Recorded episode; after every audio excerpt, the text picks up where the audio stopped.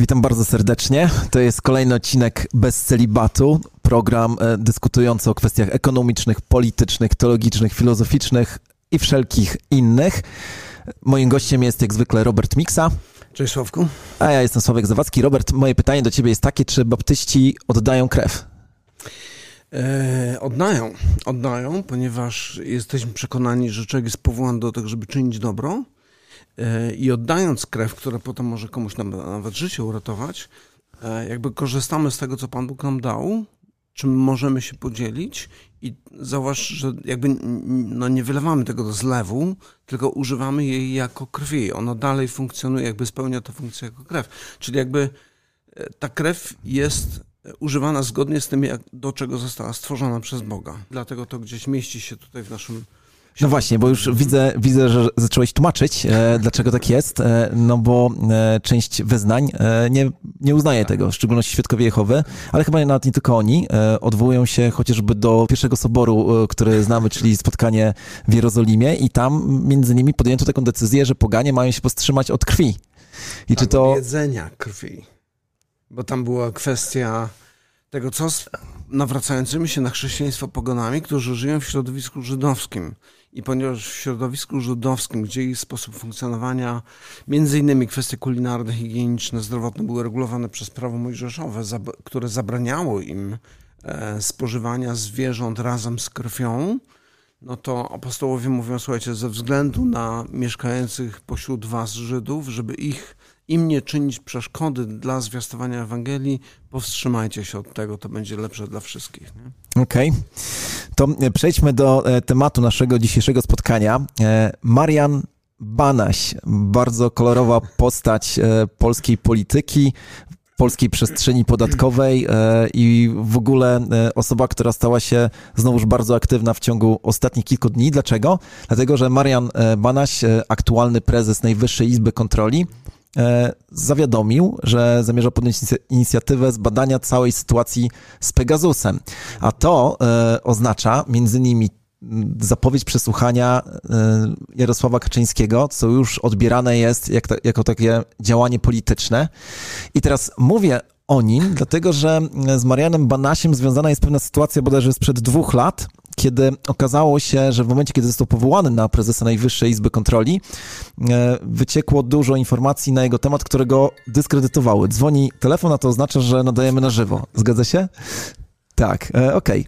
Okay. E, okazało się, że wyszły fakty, które go dyskredytowały i PiS chciał go odwołać, ale e, okazało się, że jest to niemożliwe, dlatego że sama konstytucja tego zabrania. E, I nawet pamiętam taką dyskusję, że e, politycy, którzy w ogóle nie lubili Banasia z innej partii, mówili: Słuchajcie, skoro został już powołany, to choćby się okazał największym, najgorszym człowiekiem, jaki tylko może być. Nie możemy go odwołać, bo prawo mówi, że prezes NIK jest nieodwoływalny. I chciałbym się z tą podyskutować na temat prawa.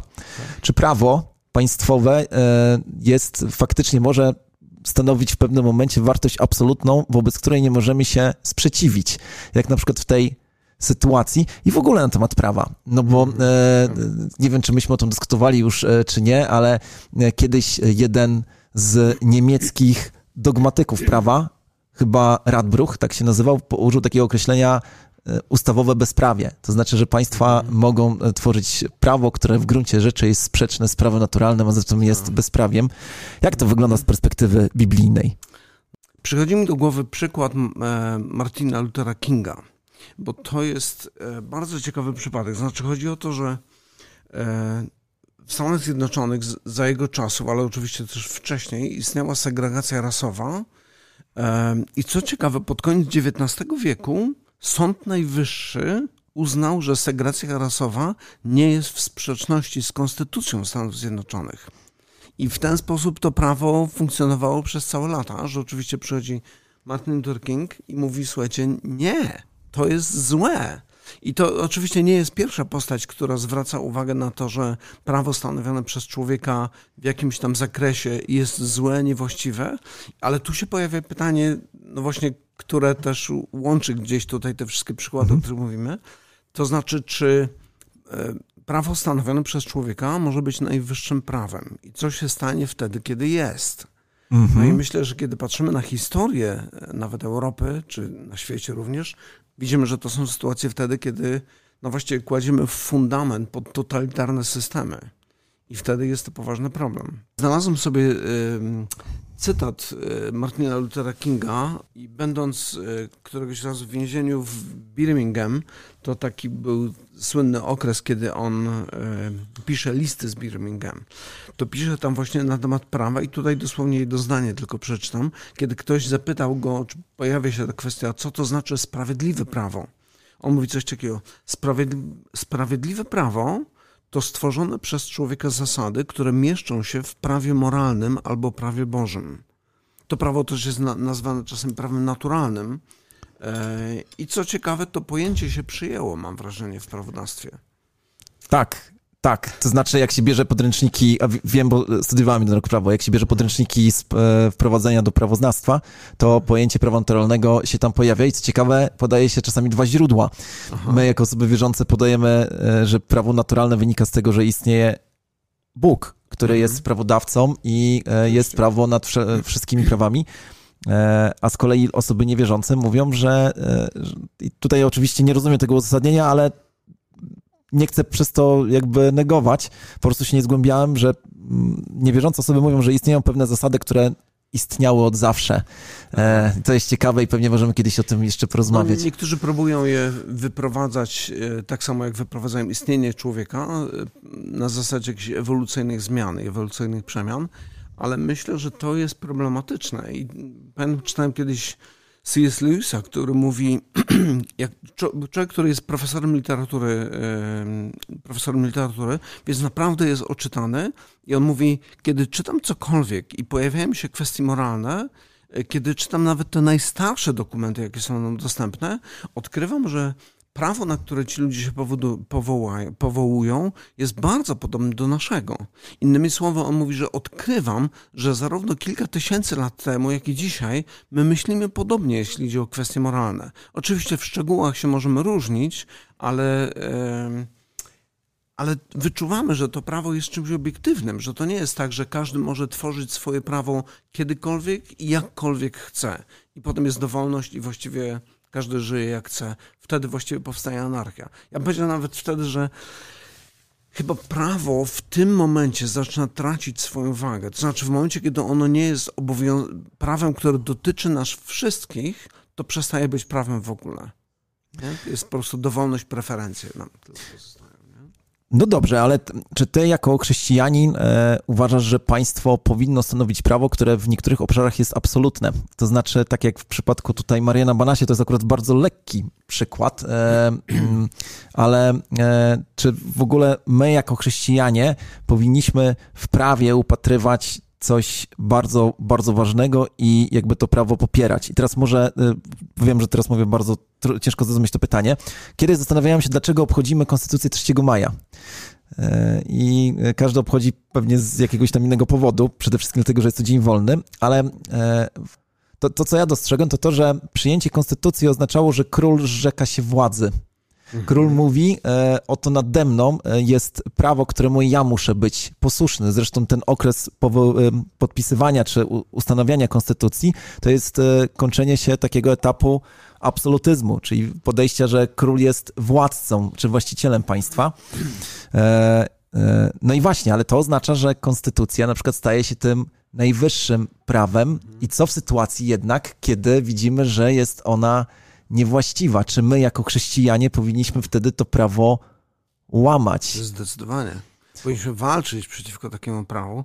I przypomina mi się tutaj, to chyba najlepszy przykład, e, Wilberforce, który w Wielkiej Brytanii walczy z niewolnictwem, które jest e, no, ugruntowane prawnie w momencie, kiedy on przedstawia argumenty wskazujące na to, mówi, ale przecież ci ludzie są tak samo stworzeniami, istotami stworzonymi na obraz podobieństwa Boże, jak i my. Nie możemy robić czegoś takiego, a oni mówią, no ale jeżeli zlikwidujemy niewolnictwo, upadnie ekonomia. Za, załamie się ekonomia naszego kraju. Nie możemy tego zrobić. Więc ta argumentacja, i to znowu jakby obnaża obłudę naszych serc, Nie? Z jednej strony ci ludzie mówią, no my to robimy w trosce o kraj, a tak naprawdę robią to w trosce o własny portfel. Nie? No i Wilberforce co robi? No walczy z tym na wszystkie możliwe sposoby. E, mhm. Część z tych sposobów jakby to nawet nie było walczenie wprost z tym złym złym prawem, ale to były sposoby, które miały doprowadzić do tego, że to prawo zostanie wyeliminowane z prawodawstwa brytyjskiego. No dobrze, no to jak to, to co mówisz, koresponduje e, chociażby z listem do Rzymian, gdzie apostoł Paweł mówi e, o tym, że mamy być posłuszni władzy. Mhm. No myślę, że posłuszni do granicy grzechu. Nie? Jeżeli, um, znaczy bo tak, powiedzmy sobie e, to jasno, prawo jest potrzebne, mhm. bo prawo w sposób bardzo prosty, jasny, E, reguluje te podstawowe kwestie społecznego życia i musi być jakiś instrument, który będzie to regulował i ono jakby tutaj prostuje wiele rzeczy. No, wyobraźmy sobie, że nie ma prawa, które by regulowało kwestię poruszania się po ulicach. To najprostszy przykład. No to mamy chaos, bałagan, wypadki tak. i tak dalej, i tak dalej. Nie? Więc to prawo jest potrzebne. Ale są przypadki, kiedy to prawo e, albo ustawodawca idzie za daleko i nadaje sobie prawo do E, decydowania o sprawach, które nie należą do jego kompetencji. No wyobraźmy sobie na przykład taką kwestię, to jest ciekawy przypadek, ponieważ on w Konstytucji Stanów Zjednoczonych jest uregulowany, że rząd nie może zakładać religii. Ja już nie, nie pamiętam, jak to mhm. dosłownie jest sformułowane, ale rząd nie ma prawa do czegoś takiego, nie? Jakby to z jednej strony ta intuicja e, związana z prawem, z prawem naturalnym istnieje i my czujemy, że to nie byłoby w porządku, ale z drugiej strony musimy to uregulować prawnie. Nie? I jakby, dobra, pewnych rzeczy zabraniamy, no ale znamy takie przypadki, kiedy rząd albo król chce być głową państwa i głową religii, przepraszam. Tak. I wtedy pojawiają się problemy. No, e, ja bym powiedział nawet, że wielkie e, europejskie państwo nadal ma taką sytuację. Co prawda ona jest chyba już tylko formalna. Tak, Mówię oczywiście. o królowej e, Anglii, tak. ale jest ona zwierzchnikiem kościoła. Tak. To też My, bardzo. Myślę, że to jest taki archaizm, który pewnie w którymś momencie zostanie zmieniony, ale nie wiem, bo ta królowa to chyba już wiecznie będzie żyła. No tak, tak, tak. Najdłużej chyba panująca królowa, tak, e, w tej chwili. E, no dobrze, ale to kiedyś słyszałem takie, takie stwierdzenie, że to, jakie mamy prawo, albo to, jaką mamy władzę, no bo prawo tak naprawdę ustanowione jest przez władzę, tak? Mhm. No to jest po prostu nagroda albo przekleństwo od Boga dla, e, dla jakiegoś tam państwa. No i teraz pytanie jest takie, jak rozpoznać ten moment, kiedy my mamy na przykład być nieposłusznymi obywatelami. Chyba nawet w prawie jest mhm. taka instytucja jak e, nieposłuszeństwo obywatelskie. Mhm. No bo widzisz, o ile łatwo jest rozpoznać, że gdybyśmy widzieli, że tutaj w Polsce ktoś wychodzi i na przykład nakazuje niewolnictwo, no to czujemy, że tutaj powinniśmy się temu sprzeciwiać. Ale jeżeli widzimy, że ktoś wykorzystuje swoją sytuację do tego, żeby, już chyba nad kiedyś o tym rozmawialiśmy, żeby pobierać ponadnormatywne podatki, mhm. to to jest ciekawe, no nie? Czy chrześcijanin może w pewnym momencie powiedzieć, słuchajcie, nie, nie chcę wam płacić podatków, tylko wolę je mhm. oddawać na biednych. Albo o, to jest dobre pytanie. Chrześcijański pracodawca, e, mhm. który mm, widzi na przykład, że ktoś potrzebuje pieniędzy na życie e, i musi stanąć przed decyzją, czy płacić e, w pełni podatki za tą osobę, czy być może tą kwotę oddać tej osobie pod stołem, tak jak to się mówi, żeby móc e, po prostu poprawić jej dobrobyt. To są e, wyzwania. Jak tutaj no to są takie już szczegółowe kwestie. No. Powiedział tak, e, gdy byłem nastolatkiem, to powiedziałbym, trzeba się bić, trzeba wyjść na ulicę, wziąć, strzelać, nie wiem, cegły, tak. strzelać, cokolwiek. E, teraz myślę sobie tak, że to są sprawy, które wymagają tego, żeby usiąść przy stole, podyskutować o tym i uregulować te kwestie, zakładając, że istnieje w kraju sprawiedliwość. No bo jeżeli nie ma w ogóle sprawiedliwości, no to to już jest grubsza sprawa, nie? To już jest sprawa, która wymaga no naprawdę takiego buntu obywatelskiego, bym powiedział. Dawaliśmy przykład ostatnio Dietricha Bonhoeffera, który mhm. wtedy, kiedy Hitler naprawdę e, no po prostu zabijał ludzi po prostu, nie? No tak. to on przyłączył się do grupy, która spiskowała przeciwko Hitlerowi i myślę, że to są sytuacje, kiedy kiedy nawet będąc chrześcijaninem widzę uzasadnienie dla takiej postawy. Nie? I co ciekawe, dzisiaj, kiedy z perspektywy czasu patrzymy na Dietricha Bonhoeffera, to jakby nikt nie ma wątpliwości, że on postąpił słusznie. Znaczy, no pewnie są jakieś środowiska e, takie, które mówią, no nie, powinniśmy cierpieć. A rewolucja ale... francuska? No, rewolucja francuska była zamachem na rodzinę królewską. E, ta rodzina królewska wcześniej za nic miała swój lud. E, I tam, tam była taka chyba sytuacja, że do, mm, nie pamiętam jak ona się nazywała w tej chwili, ale do powiedzmy królowej, e, czy to żony króla przyszła, e, ktoś przyszedł i powiedział, lud jest głodny, nie ma chleba, tak. e, a odpowiedź była taka, niech jedzą ciasteczka.